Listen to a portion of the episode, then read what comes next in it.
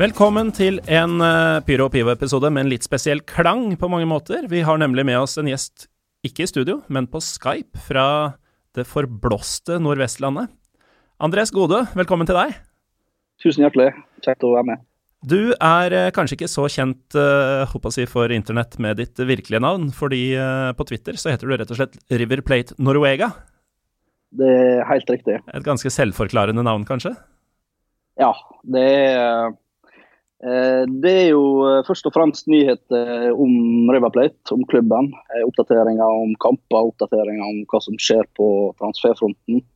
Og Det har jo vært veldig vind nå de siste to-tre ukene med tanke på Superclásico-finalen i Copa Libertadores. Ja, det er, ikke, det er jo ikke til å stikke under en stol at det er derfor du er her akkurat denne uka. Og det er jo en annen ting Nei. som gjør, gir denne episoden en viss klang. Vi er faktisk relevante for tiden vi er i. Det er ikke så ofte. Helt riktig. Det er konge dette nå. Det er nydelig å få være med og dekke noe sånt som det er nå. Ja. Uh, men du er jo da åpenbart uh, River Plate-fan. Um, og har jo en ganske tydelig norsk dialekt. Hvordan blir man River Plate-fan oppe i Ålesund? Nei, for min del da, er jeg jo adoptert fra Colombia. og det er jo Sør-Amerika. Det er jo et av nabolandene der nede. kom hit da jeg var liten, men fotballinteressen min den er jo, er jo fotballidiot så det holder. Um, og så uh, går jeg ut ifra at det, det, er veldig mange av uh, dine lyttere, og sikkert du også, som har spilt championship manager opp gjennom tida. Uh, så for min del så starta det med faktisk CM 99-2000. Var det med Saviola og Aymar og sånn, eller? Riktig. Ja, det laget jeg også Lag. Ja, det var, altså, det var spiller, altså Favorittspilleren min fra den tida var faktisk navnebroren min, Andres Alessandro.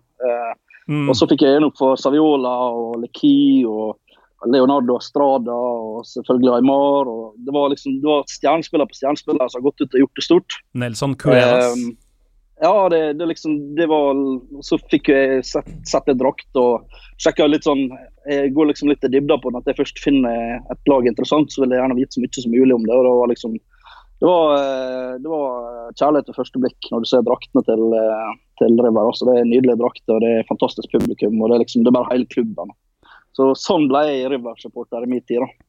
Jeg er jo Fenerbahçe-supporter, um, eller i hvert fall fan. Og uh, for min del så starta det med en viss nysgjerrighet, og så brukte jeg faktisk det som da hadde blitt football manager, til å bli kjent med eh, spillerne og, og, motstanderne og sånn, i stor grad. Så jeg kjenner meg litt igjen i, i det du sier.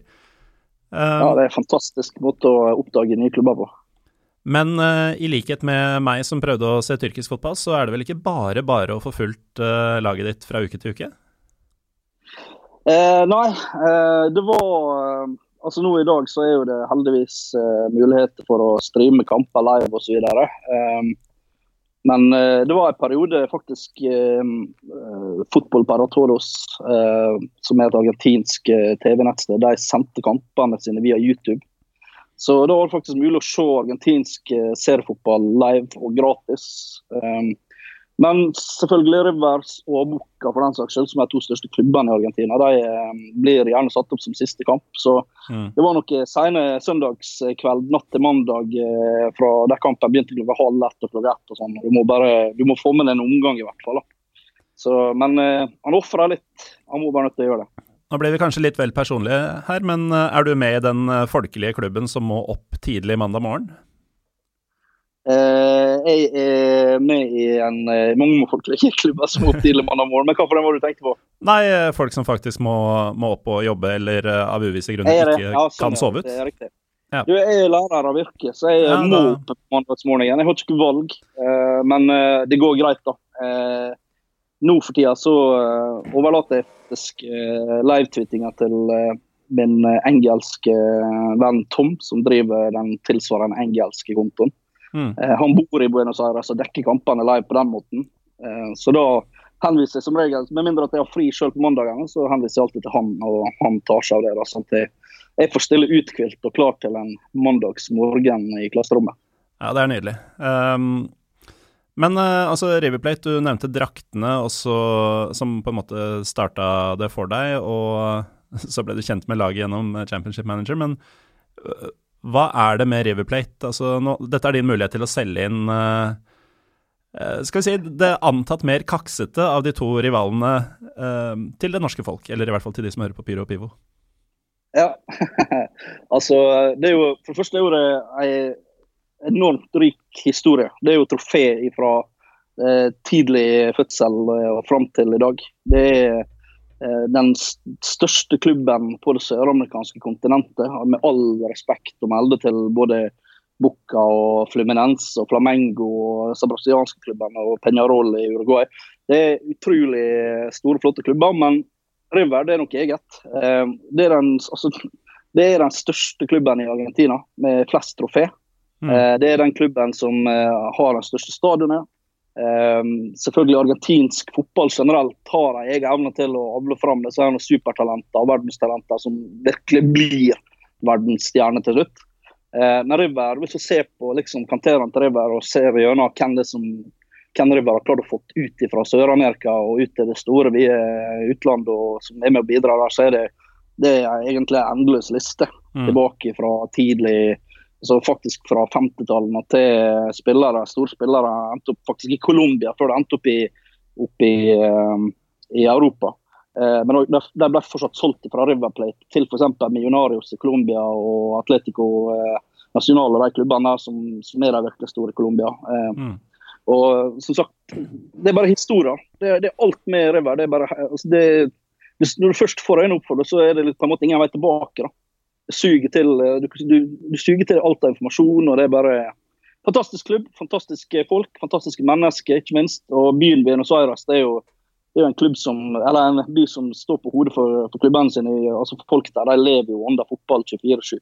Um, og eh, som sagt, River Plate og Boca Juniors i dette tilfellet her er de to største klubbene på kontinentet. og De sier jo at det er 70% av alle søramerikanere holder med enten River eller Bucca. Det gir det liksom et lite perspektiv på hvor stor denne klubben er egentlig. Men kan det være sant? Altså er de Det tror jeg er veldokumentert. Uh, jeg har lest uh, flere bøker og sett flere serier dokumentarer om altså både klubben River Plate og ikke minst Super Classico. og de refererer jo til det tallet stadig vekk, at over et sted over 70% på det søramerikanske kontinentet har hatt tilknytning til enten Ribber eller Boka. Mm. Uh, og jeg tenker Det tallet må jo komme fra en ting. Det hadde jo ikke referert til det hvis at de ikke kunne backe opp. Nei, det, det, er godt mulig du har rett i det. Det bare hørtes enormt voldsomt ut. Spesielt med tanke på at da må de vel nesten også være spiselige for en del brasilianere. Og det er jo Ja, altså, det, altså jeg, vil jo, jeg, vil jo, ikke si at 70, over 70% av en måte er blodfans, men det, at de har en form for sympati en eller andre veien, det tror jeg stemmer ganske bra. da. Mm. Eh, og det er litt sånn eh, på, I det europeiske kontinentet så du, altså, drar du til eh, ja, Si du drar til eh, Ungarn og du, skal begynne å knekke isen med et språk som kanskje er mulig for folk å forstå de dårlige engelskene. Sier du Barcelona eller Real Madrid så, eller Manchester United Liverpool, så har du på en måte knekt den berømte isen med en gang. Sant? Jeg tror mm. det er litt sånn på samme måte i Sør-Amerika også. Nevner du River Plate eller Bucca, så er det på en måte enten så får du en high five, eller så ser de litt rart på deg og på en måte viser litt sånn buefinger. Litt sånn, da. Så eh, det er nok helt sikkert i det. Nok i det, ja.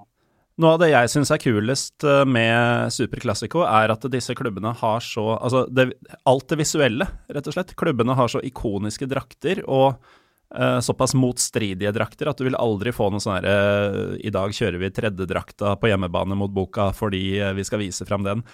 Nei. Det, og så har du det at stadionene er jo, er jo pynta til fest, bokstavelig talt, med disse strimlene og alt mulig. Så har du konfettiregn og paraplyer og masse sterke farger hele tiden. Og så har de jo to veldig unike, eller det ene kanskje mer unikt enn det andre, men i hvert fall to verdensberømte stadioner. Og også med dritfete navn, begge to. La Bombonera, mm. altså du må jo si det er litt uh, fett, det også. Og El Monumental. Jeg, kaller det for uh, sjokoladeesken La Bombonera. Mm. Uh, og jeg har enormt med respekt for, for altså, klubben Boca Juniors. Uh, tror for den, for den gjengen argentiner som har vokst opp i Buenos Aires, så tror jeg dette her nå stikker mye dypere enn hva det nok er for meg. Jeg liker ikke Boca Juniors som fotballklubb. Eh, jeg liker det kanskje enda mindre etter det som har foregått nå i helga, men, eh, eh, men jeg har jo selvfølgelig respekt for dem.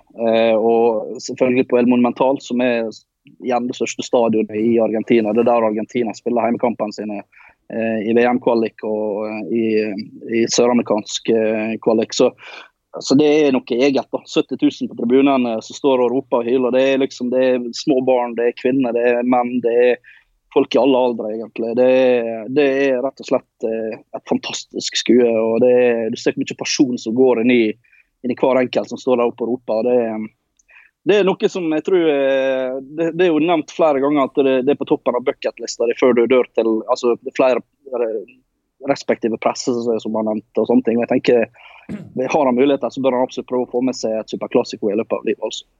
Absolutt, og det bringer oss jo over på grunnen til at vi må snakke om dette akkurat denne uka. Altså, jeg kan jo bare nevne i forbifarta til dere som hører på er mer uh, nysgjerrig på mer dybde om uh, disse klubbene, så har vi episode 82, tror jeg, hvor vi har snakka ganske mye Argentina. Men uh, Andres, det var altså når du kombinerer um, Copa Libertadores-finalen med Super Classico Uh, det måtte jo bli kaos. Uh, Runar Skrauseth han uh, har jo bodd i Argentina og sa i forkant at dette er en finale man aldri har sett maken til. kunne vel kanskje ikke forutse helt hva som skjedde. Jeg tenkte vi skulle liksom lage en tidslinje her, da. Ja. Starte med forkant av den første kampen, som faktisk ble spilt etter et par forsøk. Mm. Der var det jo værgudene, rett og slett, som tenkte at det her er vi ikke klare for. Nei, det var eh, pøsregn i Buenos Aires og det hølja ned. Og banen til Bucca var overfylt med vann. Eh, og eh, det gikk jo faktisk så langt at River sendte eh, disse her nå eh, vannkjegg, hva du kaller det for sånne eh, Sånn som du bruker til vannrulle til å rulle over banen for å bli kvitt overvannet på banen. River sendte sine som tilhører El Monumental. Mm. Sendte de på andre sida av byen til La Boca og La Bombonera. Helt sjanseløst? Eh, for at de ville gjennomføre, gjennomføre, kampen. Eh, det gikk jo ikke den dagen eller lørdagen det var satt opp, så det ble jo kamp på søndag. Og galskap var det. Det var supportergalskap. og det, er, et, der er en veldig kjent eh, gif som går igjen eh, blant veldig mange Rubber-fans på Twitter nå. da. Eh, der det er et bilde av Det ble faktisk ikke vist på TV, men det var Peter Martinez fra River som skulle ut og ta en corner, og du ser at det hamler med både eh, kopper og tomme flasker og mynter. og Det er liksom alt mulig som går ned. da. Mm. Eh, og jeg så faktisk noe som ligna på et sånn hjørneflagg også, som kom flygende gjennom lufta og planta seg fint ned i gresset. Eh, så det, liksom, det, det, forteller litt om hvor heftig dette her nå eh, derby egentlig er. da, mm. involverte. For det var jo da eh, men, hm? Nei, bare fortsett. Nei, det, det, var jo da altså Kampen skulle egentlig spilles en lørdag kveld. Var vel rett etter Dortmund-Bayern, tror jeg. Så det var Jeg tror det var samme dagen. Um, Riktig. Og folk hadde jo benka seg og sendt koner på dør, og det var ikke Det var ingenting som kunne Altså, ti ville hester kunne ikke gjort en dritt. Uh, Nei, det var uh, totalt antiklimaks, rett og slett. Mm. Det var fryktelig. Sitte her og vente. Så gjorde du da et nytt forsøk dagen etter, og som du sier, det ble jo et spetakkel, det, men den ble spilt. Og um, ja, hvordan opplevde du den, den første kampen? Um, jeg tenkte i forkant at jeg, hvis at vi skal ha en reell mulighet, så må vi ha med seg godt resultat fra La Bombonera. Um, I Copa Libertadores så er det egentlig det er jo bortemål i alle utslagsrunder minus finale. Der er det ikke bortemålsregler lenger, der er det sammenlagt. Mm. Um, og Det er jo på mange måter litt synd. Eh, for vår del, sånn som så, sånn Ståde har blitt nå, så er jo det litt, eh, litt eh, sørgent. Men eh, det ble 2-2. og gamle Lyn-spilleren Lucas Pratto det var en type, altså, Jeg husker når han, når han kom fra Sa Paulo til, til River Plate, så husker jeg posta på Twitter-kontoen at jeg, jeg, jeg, har, jeg, har, jo sett han live i Norge på fotballkamp. Jeg kunne aldri i verden tenke meg at han karen her kom til å bli en såpass stor stjerne som han har blitt. For han er, Det er jo det han er. På det søramerikanske kontinentet så er jo han eh, altså han er jo en eh, spiss i aller ypperste klasse. Han har banka en mål for eh, både Atletico Mineiro og Sao Paulo i tida hans i, i, Brasil. Han var veldig god i Vélez Sarsfield at han kom tilbake dit etter den lille Europa, europaturneen han hadde. Han har vært av og på med oss, men han har vært veldig god i de viktige, store kampene. Og det var han igjen. Han banka en to mål, og det var utrolig viktig for vår del. Så um, der er jo en, Jeg vet ikke om du har sett det, men det var en video eh, etter kampen. Eh, Marcel Gallardo han var jo eh, suspendert fra sidelinja. Han fikk jo ikke lov til å være inne på stadion til Boca en gang i den kampen her nå pga. noe som skjedde i semifinalen.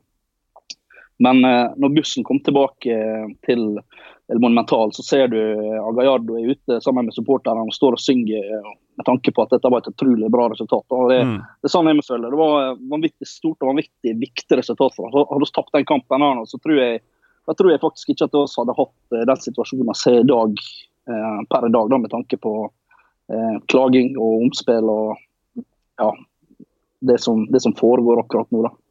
Det må jo være, altså Vi har en annen eh, podkast på bruket her eh, i moderne media som eh, heter Vestkanttribunalet, og det er en lynpodkast. Det må jo ha vært helt absurd for lynfolk å sitte og se på denne kampen. Altså, det er jo ingen hemmelighet at disse, disse lagene får du ikke sett ofte på norsk TV. og Kanskje har man heller ikke fulgt så veldig godt med på troppene deres og sånn, siden det liksom bare blir navn på en liste. Så sitter man der og vet at dette, dette neket drev og ramla rundt på norske baner en periode for noen år tilbake, og så kommer du da på den største scenen i, eh, i, det galeste og av de beste fotballkontinentene i verden og herjer. Han, er, han har vært uh, helt enorm, altså. Eh, nå, hvis ikke jeg husker helt feil, så putta han vel putt fire kamper Vålerenga eller noe sånt for et par år tilbake, eller stemmer ikke det? Jo, det kan godt være. 4-4. Jeg mener på at han putta to mål da på en måte ble en sånn eh, nådd eh, Lyn-bastionen. da. Men eh, eh, det må jo det, er sånn som du sier, må jo være helt sinnssykt å, å, sitte og tenke på at han karen der nå har eh, aksla lindrakta. Nå er han liksom på den største, absolutt største scenen som Sør-Amerika har å tilby. Han er jo han har jo vært helt fenomenal også. Det er jo det som er det, det rare. For jeg, som sagt, når jeg så han i Norge, så tenkte jeg aldri at han karen kom til å til å bli noe verdensstjerne på den måten. Det har jo gått uh, andre veien også, at uh, da man så Mathias Almeida i Lazio på, rundt årtusenskiftet, så var det ingen som så for seg at han skulle drite seg ut i, i norsk fotball heller. Uh, det er vanskelig for, for, gode argentinere å lykkes i norsk fotball, rett og slett.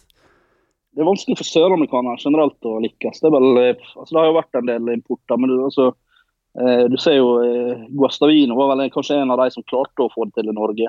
Mm. Eh, så har du sånn som han uruguayaneren som spilte i Rosenborg, så var en total flopp og fort til Spania og ble faktisk en av de bedre spillerne. Ja, jeg ble en av de bedre spillerne. Så det, jeg vet ikke om det er klima eller om det er hva hva det er ganske sjukt at de ikke klarer å lykkes i en såpass liten nasjon som det Norge er, mens de skal faktisk få det skikkelig til i Sør-Amerika. Det er ganske rart, dette her nå. Jeg la merke til at du sa Guastavino. Hvor, um, hvor, irriterende var det for deg i sin tid at uh, det konsekvent var Gustavino, Gustavinho i mediene? Eh, veldig. det, det, for jeg snakker ikke sånn, spansk. Med navnet mitt, Andres. Det, Alsaker han, begynte jo, han har jo begynt å lære seg Andres etter hvert. Men jeg husker i VM Sør-Afrika så sa han konsekvent eh, Andres Iniesta. Jeg husker det irriterte meg grønn.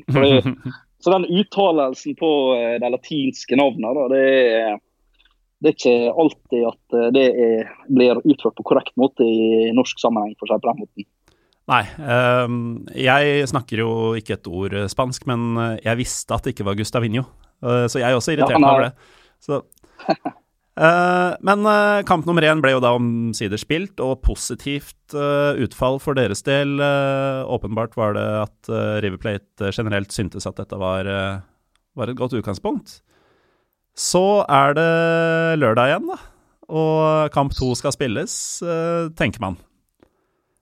Tenker man. Det, det, var jo planlagt at det, den, altså det var jo Fra Rivers side så så de vel aldri at den kampen skulle avlyses. da for å si det sånn. Eh, mm. Været var jo strålende. Det var jo 26 grader i Buenos Aires, strålende sol. Eh, folk var klare for fest. Eh, og så kommer, kommer da Bukka som skal fraktes fra hotellet sitt til eh, El Monumental. Eh, og bussen går eh, jeg vil påstå en litt uvanlig rute, med tanke på hva type kamp det er. De har kjørt den ruta før til andre superklassikerkamper, ja. Men dette her nå er liksom, det er Eh, Copa Libertadores. Det er den største tittelen du kan vinne som klubblag i Sør-Amerika. Um, altså Initialene og, CL er jo ganske ja, overførbare, kan det, du si. Det er Champions League for søramerikanere. Altså det eh, som når, når, vi vant eh, når vi vant Copa Libertadores eh, sist gang, eh, så husker jeg at jeg, Sebastian Brusi, blant annet, som spiller for Zenit St. Petersburg i dag. Han hadde muligheter til å gå til utlandet på den tida, men han takka nei pga. at River lå såpass bra an i sluttspillet i Copa Libertadores. Så han ville vinne den før at han dro til Europa. Og Det forteller liksom litt om hvor stor denne tittelen er for, for søramerikanske spillere. Mm. Um, så det, det, er ikke tvil om at det, dette her nå betyr utrolig mye. Og det er litt der jeg tenker også at det, når de vet hvor mye følelser som blir satt i sving under en sånn kamp Dette her er som Sør-Amerika har venta på i 58 år. Mm. Uh, River og Bucca møttes i sluttspillet, men aldri i en finale. Um, av den type uh, hva skal jeg si da, den, av den store typen som Copa Libertadores er. Um, og det at de da sender bussen gjennom de mest eh, åpenbare River Plate-områder. Eh, det, altså det, det, det, Vi visste jo på forhånd at det ikke kom til å gå bra. Ja, hva, hva, er det som har skjedd her, egentlig? Fordi uh, Ifølge igjen Runar Skrøvseth, så var, uh, var, dette planlagt i tre uker, hvordan de skulle gjennomføre det og sånn. Og så ser det jo ut som om alle som har planlagt, har vært, på, vært innom uh, hovedkvarteret i Narkos, holdt jeg på å si, i planleggingsfasen det er jo det vi tenker. da. Det er eh, Planlegginga er jo altså Han kan planlegge så mye han vil i forkant, men, men altså hvis det ikke fungerer i praksis, så fungerer det ikke i praksis. Her har på en måte alt som kunne gå galt, det har gått galt. Eh, så jo bildet fra, eh, fra da bussen kom gjennom området, da, som heter eh, Monumentale og eh, eh, Monroe. Som er liksom hovedgatene som leder opp mot El Monumental mm. i Buenos i Núñez, som det heter den bydelen der, der det ligger. Um, og når du ser på antall politifolk, politieskorter altså politieskort når de skulle ta spille første kamp. Mm. Uh, men den politieskorten var faktisk større. Uh, og når du ser på liksom Det er utrolig dårlig planlegging, som du sier. da. Um, det er det var, det var, ikke god nok beskyttelse. De hadde ikke tatt nok eh, forhåndsregler i forhold til eh, faktisk folk som, som, hadde møtt opp der. nå. Der er alltid mye folk. Eh, men de tenkte vel kanskje ikke at det, det der med altså at det, at det hagler litt flasker og at det hagler litt steiner, det er ikke uvanlig. Det er, det er ingenting som er nytt med det. Eh, det, det, skjer hver kamp. Det skjedde, altså Bussen til River ble også bombardert med flasker og, og steiner før eh, første kampen. Eh, forskjellen var at det var ei rute som ble knust, mens de aller fleste eh, objekter de, mistet, altså de klarte ikke å kaste dem på bussen. rett og slett. Nei. Så Det er jo litt humoristisk sagt at River blir straffa nå pga. at de er bedre til å kaste enn det Bucafest er. eh, og Det er jo litt sannhet i også. for Hvis du, hvis du har sett den videoen, så ser du at det er jo både to og tre ruter som blir knust. Eh, det hagler steiner og det hagler ukvemsord. og Det er ganske dramatiske scener.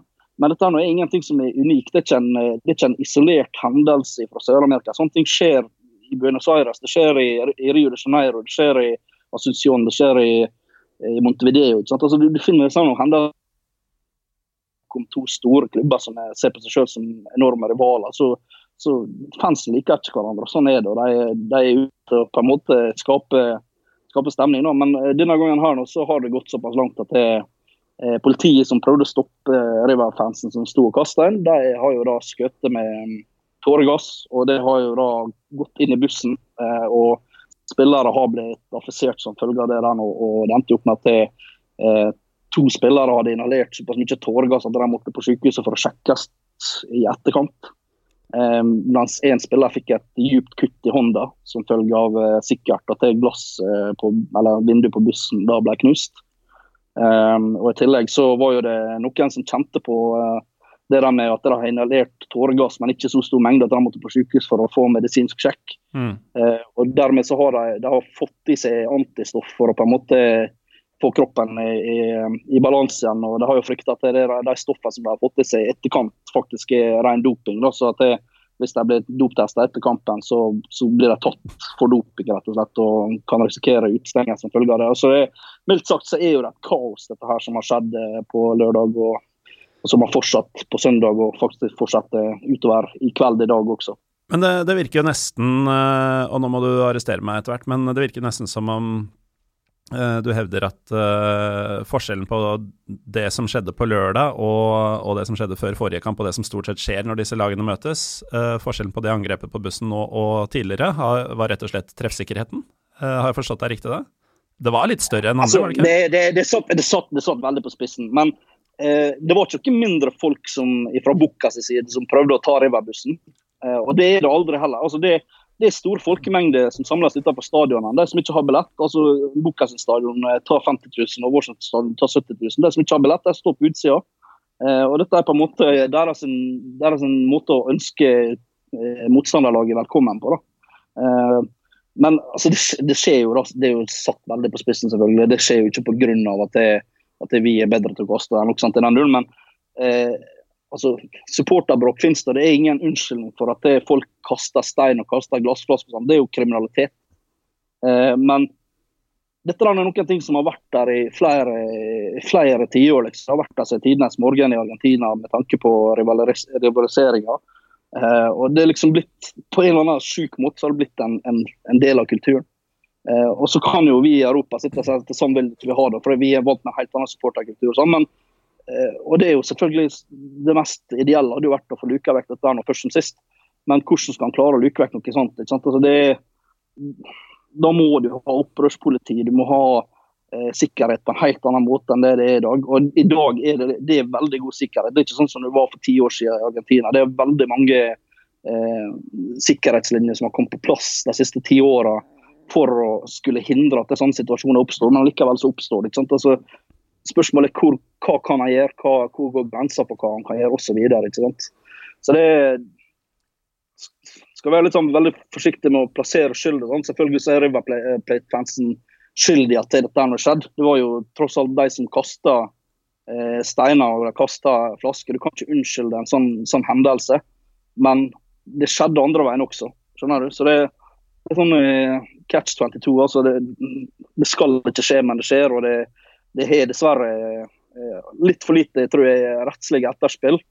Eh, for, altså, det har jo vært fram til fram til, eh, eller fra, fra, 2013 så har det vært forbudt med bortefans på sånne kamper. Mm. Nettopp pga. at de skal unngå dette. her nå. Og Presidenten i Argentina han kom jo med den geniale ideen om at det, siden det var superklassikofinale, så må jo det være mulig å få en bortefans også. Og vise oss fra vår beste side. Og så skal det legges til at han er jo Bucca-fan. Ja. han er jo tidligere president i Bucca Juniors. Og det viste seg at det, den ideen er jo bare, det er bare skrinlegge med en gang det kan ikke gå involvert at det noen gang kommer til å gå bra sånn som situasjonen er i dag. Nei, og det, det er jo selvfølgelig veldig beklagelig, men ja, Det er jo ekstremt synd, fordi uh, som en som liker å reise rundt på derbykamper og sånn, det er jo en enorm dimensjon som forsvinner. Uh, altså, mm. Det er ikke bare at du har si et par tusen oppi et hjørne som lager støy imot, men det bare tenner jo alle sammen uh, på et helt nytt nivå. Så jeg skjønner jo på sett og vis at eh, både Argentina, Hellas, Tyrkia og flere føler at det må være sånn, men jeg vet ikke. Det, det er jo trist. Det, det, det, er veldig trist. Men altså Ja, så var jo det var jo flere episoder som ledde opp til dette. og Det var politifolk som ble drept av supportere. Det var politi som har drept supportere. Det var supportere som drepte supportere på kamp. Altså, hvis du på en måte ikke skal kunne klare å føle deg trygg på fotballkamp, der du på en måte det er eh, ja, si at det er, det er liksom escape from reality. for sånn. altså det, er, det er et avbrekk fra hverdagen. Eh, du går dit for å kose, gjerne, du har gjerne med familien. Ikke sant? og så Noen ting kan skje hvis at laget eh, vinner, eller hvis at laget slipper et mål. For Det trenger ikke å være motstanderfansen som noen ting heller, nødvendigvis. Eh, heldigvis har de luka ut eh, en del av den sorten også. De berømte bare Bravasene. De som på en måte er supporter, hardeste supportergruppen. Det er jo sett på som mafiavirksomhet. Um, og de har, jo, de har, jo, makt i klubbene i dag, men de har ikke like så makt som de hadde for ti år siden. Det er jo som en konsekvens av det som har skjedd for å prøve å unngå uh, alt som uh, er voldsrelatert. Mm. Uh, men ja, selvfølgelig, det er å, å kunne si at du hadde hadde 5000 som fikk lov til å slippe inn, eller 3000 for den som fikk lov til å slippe inn på La Bombonera første kampen og ha på seg klubbfargen. Det, det, ville jo selvfølgelig gjort, en, gjort det til en helt annen kamp, en helt annen dimensjon for, for River-spillerne. Men sånn har det vært i ti år. Sånn, eh, de er vant med det. Alle lag er vant med å spille uten, eh, uten sine supportere på bortekamper. og det, det er trist, men, eh, men, det er forståelig at situasjonen er slik den er. Trist, men forståelig. Men uh, Andres, du som uh, Du som uh, da holder med dette laget med ganske mye passion, har da hele verdens øyne, også Norges, retta mot laget ditt og denne fotballkulturen for en gangs skyld. Og det vi får, er da en kamp som regner bort. En kamp som virkelig lever opp til de forventningene som man hadde. En kamp som steines bort. Uh, og forsøket på å få spilt den igjen uh, surres bort, vel, egentlig. Um, hvor, hvor, irriterende er det for deg at når folk først kan sjekkes, så slår alle klisjeene inn på en gang? Det er jo selvfølgelig ekstremt trist, først og fremst. Det, er jo en kamp som, som vi virkelig hadde gleda oss til. Og uansett hvordan dette ender, altså kamp nummer to blir spilt på et eller annet tidspunkt. For det ligger for mye penger i i det for Conmebol, som er da Sør-Amerikas svar på FIFA, eller Uefa, til, å, eh, til at dette her nå ikke blir gjennomført. Eh, men uansett hvem som vinner om det er River eller Boca, så blir jo det uansett med en bismak pga. alt det styret som har skjedd i forkant og i etterkant av det som skulle være kamp to. Um, og det er utrolig trist, selvfølgelig. Uh, men dessverre så er jo det ikke overraskende heller. Det er de aller fleste med, med relativt greit kjennskap til både Bucca og River og Argentina og Sør-Amerika generelt, altså, de visste at dette kunne være en mulig utfall av, eh, av superklassikofinalen, eller superfinalen som, som, den blir kalt. Nesten et sannsynlig utfall? Ja, det, det, er egentlig det mest sannsynlige. Altså, jeg er ikke overraska, men jeg er jo selvfølgelig ekstremt skuffa. Um, fordi dette her nå er jo det skulle være en festaften. og det skulle, altså Søndagen nå, nå hadde oss 2-2 og god stemning inn fra første kamp. og eh, hadde tillegg ikke, Vi hadde ikke spilt noen kamper i mellomtida. Det hadde jo Boka som hadde spilt en seriekamp. Så vi følte at det, hjemme på Monumental så skulle dette avgjøres. Det var liksom Alt lå til rette for en perfekt fotballdag. og så blir det det sirkuset som det har blitt. da. Det er jo utrolig kjedelig å sitte og, og være en del av det. da. Sirkus er jo riktig ord her, fordi eh, hvis vi kan gå litt mer i detalj på det som for oss i Norge var lørdagskvelden, så har jo da bussen blitt angrepet, spillere havna på sykehus. Kampen utsettes først en time. Um, utsettes dermed enda en time, før den til slutt avlyses. Uh, kan du si litt om spillet på bakrommet i disse timene?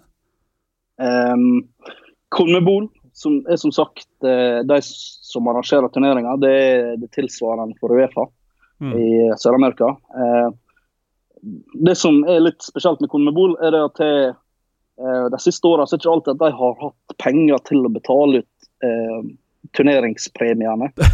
det er søramerikansk, altså? Det er søramerikansk. Eh, påsett, eh, altså det er liksom det er ingenting, Du får ikke mer søramerikansk enn det.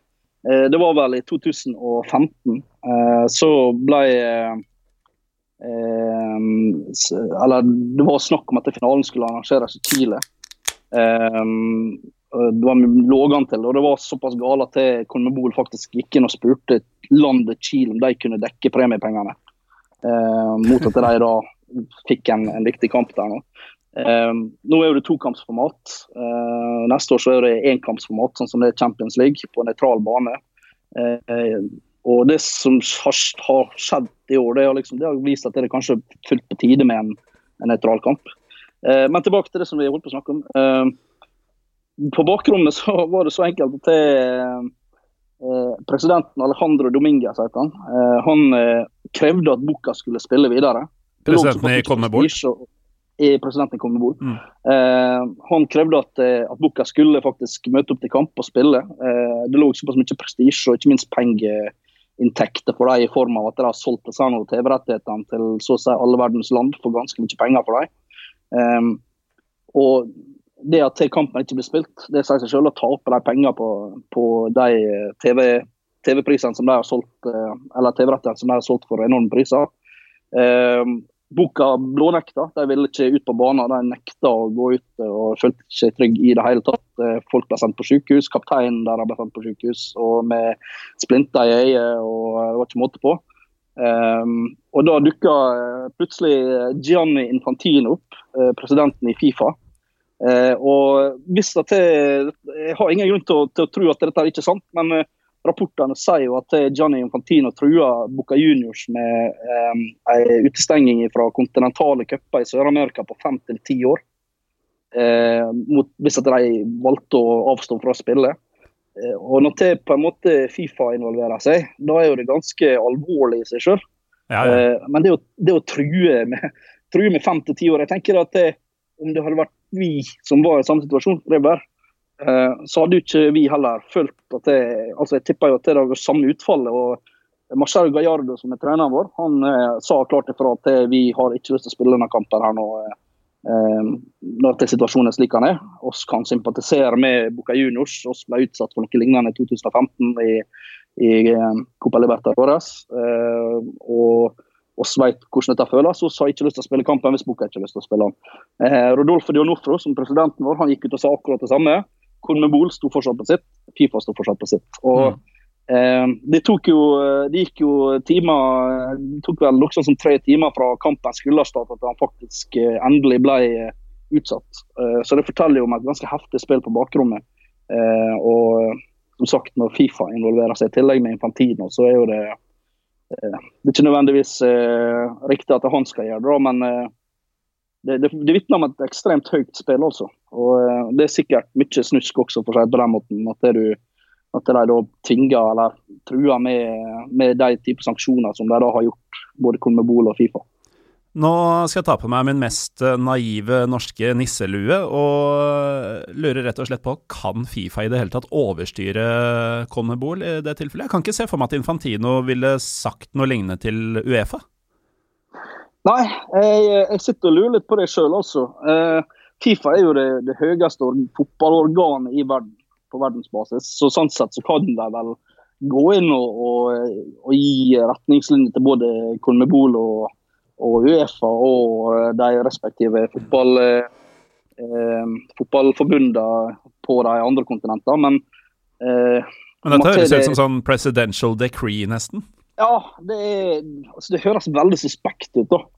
Eh, men som sagt, ingen grunn til å betvile de rapportene heller, for det kom fra relativt eh, kredible kilder på eh, det søramerikanske kontinent. Mm. Og Infantino er jo Det finnes jo flere bilder der han er avbilda der han går fra stadion, rett og slett. da. Og ser jo ikke spesielt happy ut. Så at han har vært inne og sagt et eller annet, det har jeg ingen grunn til å betvile. Men fem til ti år, hvis det stemmer, så høres det ganske ekstremt ut. også. Det er, kan tenke deg selv hvis at det, dette har vært i England og, og, og Liverpool eller United hadde blitt rømt fem til ti års utestengelse fra Champions League eller eh, Europa League for å ikke spille en kamp. Det høres ganske ekstremt ut, altså. Absolutt.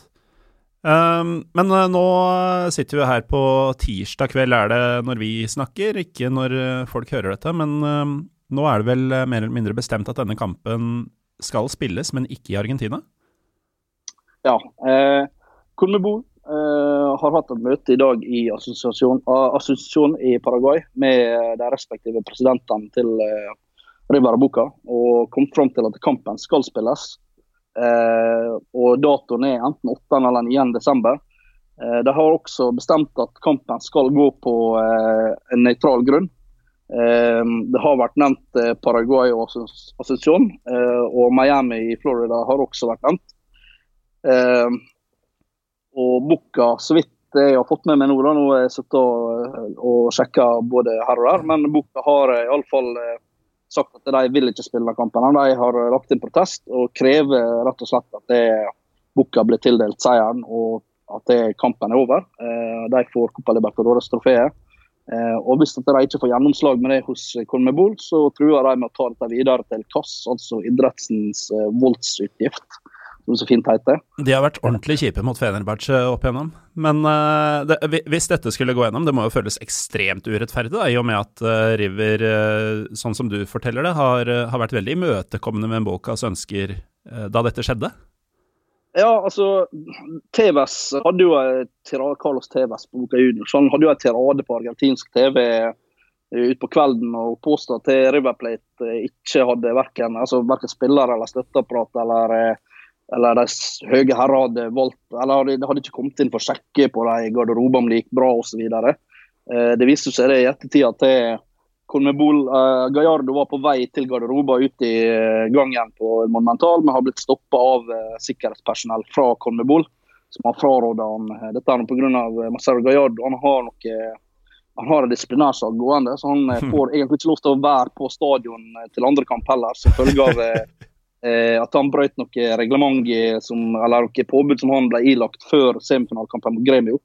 Hva var det? Eh, nei, før, før, kampen mot Gremio, så det var altså, Allerede i, i kvartfinalen så uh, var det en uh, situasjon uh, hvor Eh, Gallardo hadde sendt ut laget sitt og dette er faktisk ikke tull engang, men han hadde sendt ut laget ett minutt etter motstanderlaget hadde gått ut fra pausa. Mm. Eh, og Det mente dommeren at eh, var for seint i forhold til når han hadde blåst for å gå ut andre gangen. Ah. Eh, Kornebol de har, eh, de har eh, ilagt eh, Gallardo en karantene som gjorde at han ikke fikk lov til å være på sidelinja i kampen, i første kampen i, som ble spilt i Porto Alegre og på Arena do Gremio. Eh, Gallardo han har jo eh, han hadde heller ikke lov til å kommunisere med benken sin. Eh, han har jo brutt begge deler. For pausen så har jo det, han sneket seg ned i garderoben når, når River ligger under 1-0. Han sneker seg ned i garderoben. Eh, og I tillegg så er jo det en fint avbilda på TV når han sitter med walkietalkie og kommuniserer med benken eh, litt lenger nede. da. Så han eh, fikk jo Enden på dette var jo at han fikk jo faktisk eh, enda strengere straff. Han fikk jo ikke lov til å oppholde seg på La Bombonera i første kamp. Han får heller ikke lov til å oppholde seg på El Monumental i andre kamp, i finalen. Eh, Gremio på sin side la inn protest mot dette her nå etter semifinalen. Eh, og Den ble jo avslått. Eh, River fikk en bot, og eh, det var vel det som var smekket på fingrene for dem i denne omgangen. Eh, men eh, det er jo også som sagt, det er jo bilder av Gallardo ute på banen etterpå når publikum har forlatt stadion. Bukka er fortsatt til stede på, eh, på El Monumental, for de venter på ny buss som kan frakte tilbake til hotellet. Og Der er det både TV-bilde og stillbilde av Gallardo som går rundt og hilser på både TVs og snakker bl.a. med kapteinen til Bukka, som, som, da fikk øyeskade. Eh, og det, han, altså, han er jo, han, det er jo klart bevis på at han på en måte at han tar ansvar. da.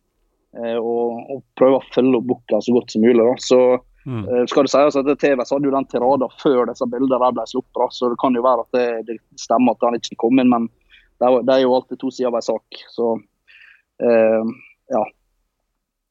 Uh, men det er altså det som, det som, skjer videre nå, er jo det at det, vi må jo egentlig bare avvente. Det, jeg leser nå at det er dum på Bukka sitt krav om å få tildelt seieren. Det vil nok mest sannsynlig ikke komme i dag. Eh, det vil eh, sikkert ta en dag eller to før at vi får et endelig ut, utfall i akkurat den biten. Men jeg tviler nok på at det Bukka klarer å få gjennom det. altså. Det, mm. Jeg forstår veldig godt at de ble de føler at de var veldig utsatt og at de ikke hadde mulighet til å spille den kampen på søndag. Men nå er det da tross alt snakk om to uker til senere. Eh, og det er snakk om på en nøytral grunn.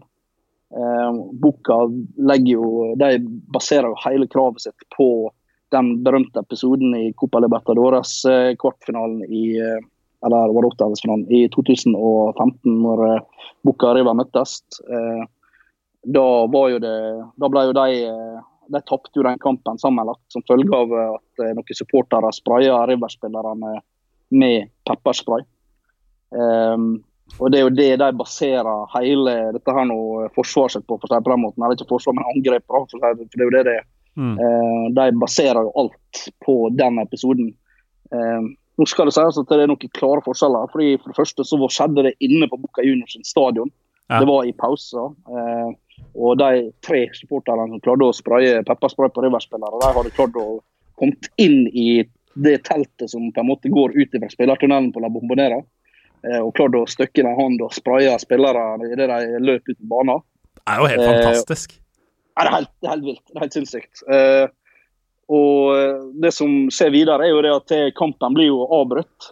Eh, og dette her nå, I og med at dette her nå er i utslagsrunden, så teller fortsatt bortemålsregel.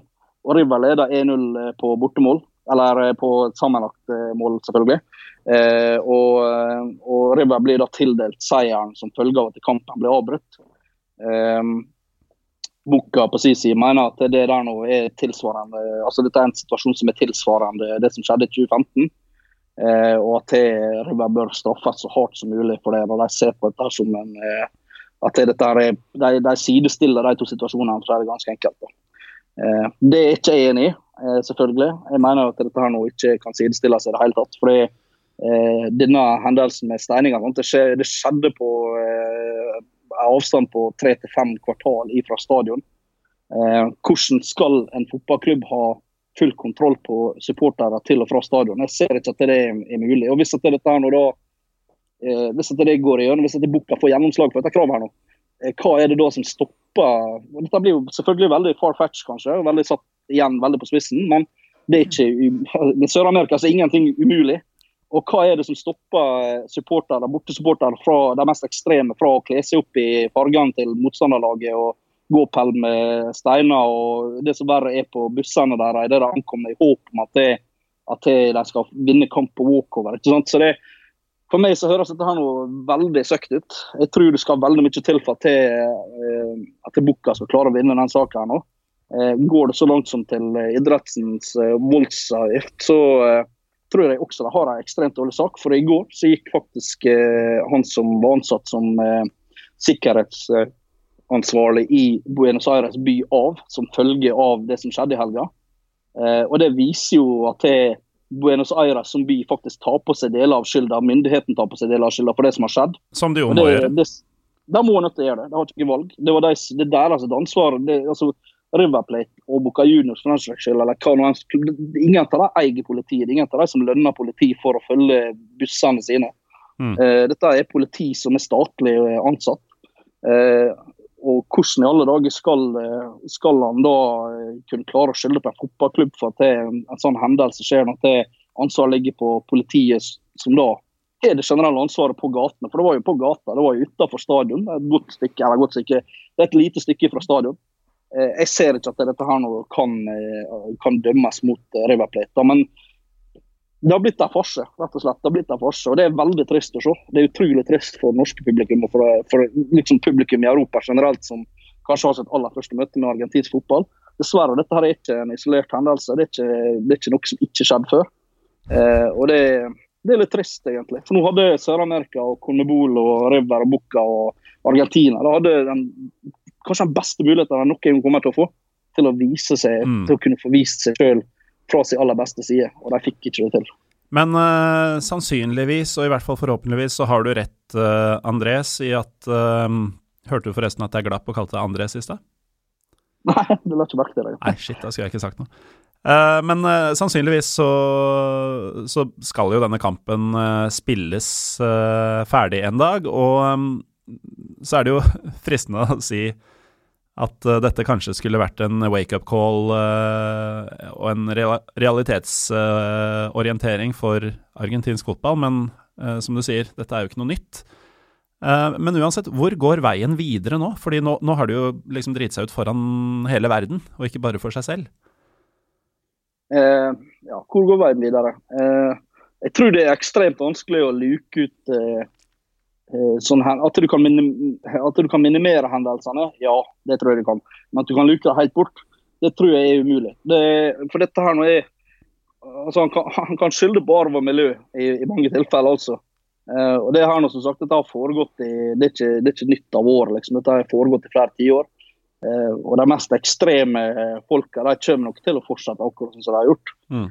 Uh, for River Plate del så tror jeg nok dessverre at altså, En eller annen form for straff må jo det bli, det sier seg selv. Eh, de må bli holdt ansvarlig. Kan, altså, jeg, regner ikke med at det vil bli totalt frifunnet på alle punkt. For da, da tror jeg nok det, det som du har sett i helga, det er bare peanuts. altså. Da tror jeg det blir opptøy og det som verre. Um, men uh, at det kan bli en utestengelse på et år, eller kanskje til og med to år fra Conmebol Copa Libertadores eller Copa Sudamericana, det er fullt mulig. Uh, I tillegg til en pengestraff. Mm. Uh, for Bukka en del skal være veldig forsiktig, men altså, hvis jeg skal tale med, med Riverplate-brillene på, for å si det sånn, da, uh, så nå er det nesten altså Jeg sa det allerede på lørdag, da når jeg så at det er han godeste kapteinen til Bukka som uh, for rundt med en lapp på øyet og og ble frakta til sykehuset. Han kom tilbake og, og sto i startoppstillinga som Bukka lanserte to timer på overtid. Mm. Eh, han var klar til å spille, han skulle spille den kampen uansett.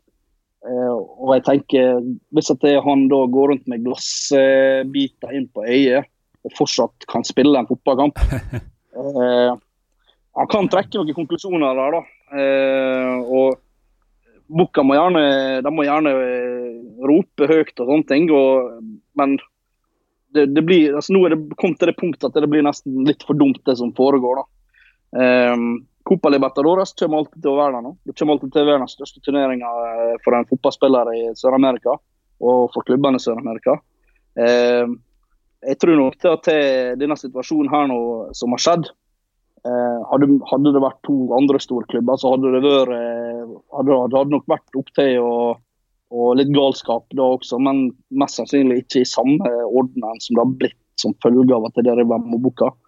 Eh, og det, det gjenstår jo å se. da. Det er jo litt av sesongen. Eh, og eh, i eh, Argentina så begynner jo sesongen på nytt igjen i januar. Og da er jo det nytt superklassiko. Hva skjer da?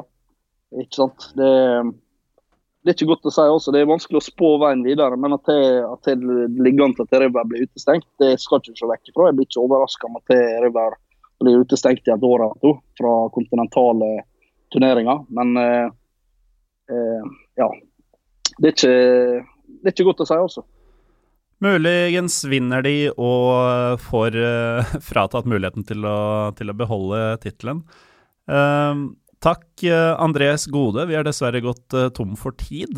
Men uh, takk for at du var med over internett. Dere lyttere får ha, ha takk for at dere hørte på. Det har vært en og annen forbindelseshikke underveis. Men jeg syns det har gått ganske bra til å være første gang vi gjorde det på den måten. Du har vært del av historie, Andres. Åssen føles det? Ja, det er veldig kult. Veldig kult og veldig kjekt å få tilbud om å være gjest. Jeg har kost meg veldig. Jeg håper folk eh, har fått opp øynene for søramerikansk fotball. Det er mye galskap, det er mye passion, og det skal det være.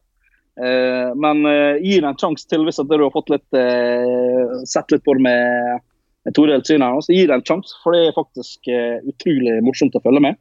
Eh, og ikke minst, hvis du eh, har lyst til å vite mer om klubben, så hjertelig velkommen til å ta kontakt med meg på Twitter. Eh, Twitter-kontoen min er jo tilgjengelig 24 timer i døgnet. Jeg prøver å legge ut så mye oppdateringer som mulig. Så det er bare til å ta kontakt og følge. Jeg tror du taler til det rette publikummet akkurat nå. Uansett, takk igjen, Andres, for at du var med. Jeg min glede. Ja, min også. Jeg heter eh, Morten Galaasen. Andres har faktisk skrevet en artikkel eh, i forkant av første kampen, ikke sant? Det stemmer. For eh, eurosport.no. Den, kjære lytter, vil du få veldig enkel tilgang til hvis du følger Pyro Pivopod på Twitter og Instagram, spesielt på Twitter, for der kommer jeg til å legge den lenken. Uh, og som jeg alltid glemmer hvis du er Apple-bruker, gå gjerne inn på iTunes og legge inn en liten review hvis du liker det du hører. Ikke så nøye om du ikke liker det du hører. Uansett, eh, takk til Andres, takk til lyttere, takk til meg. Takk for nå.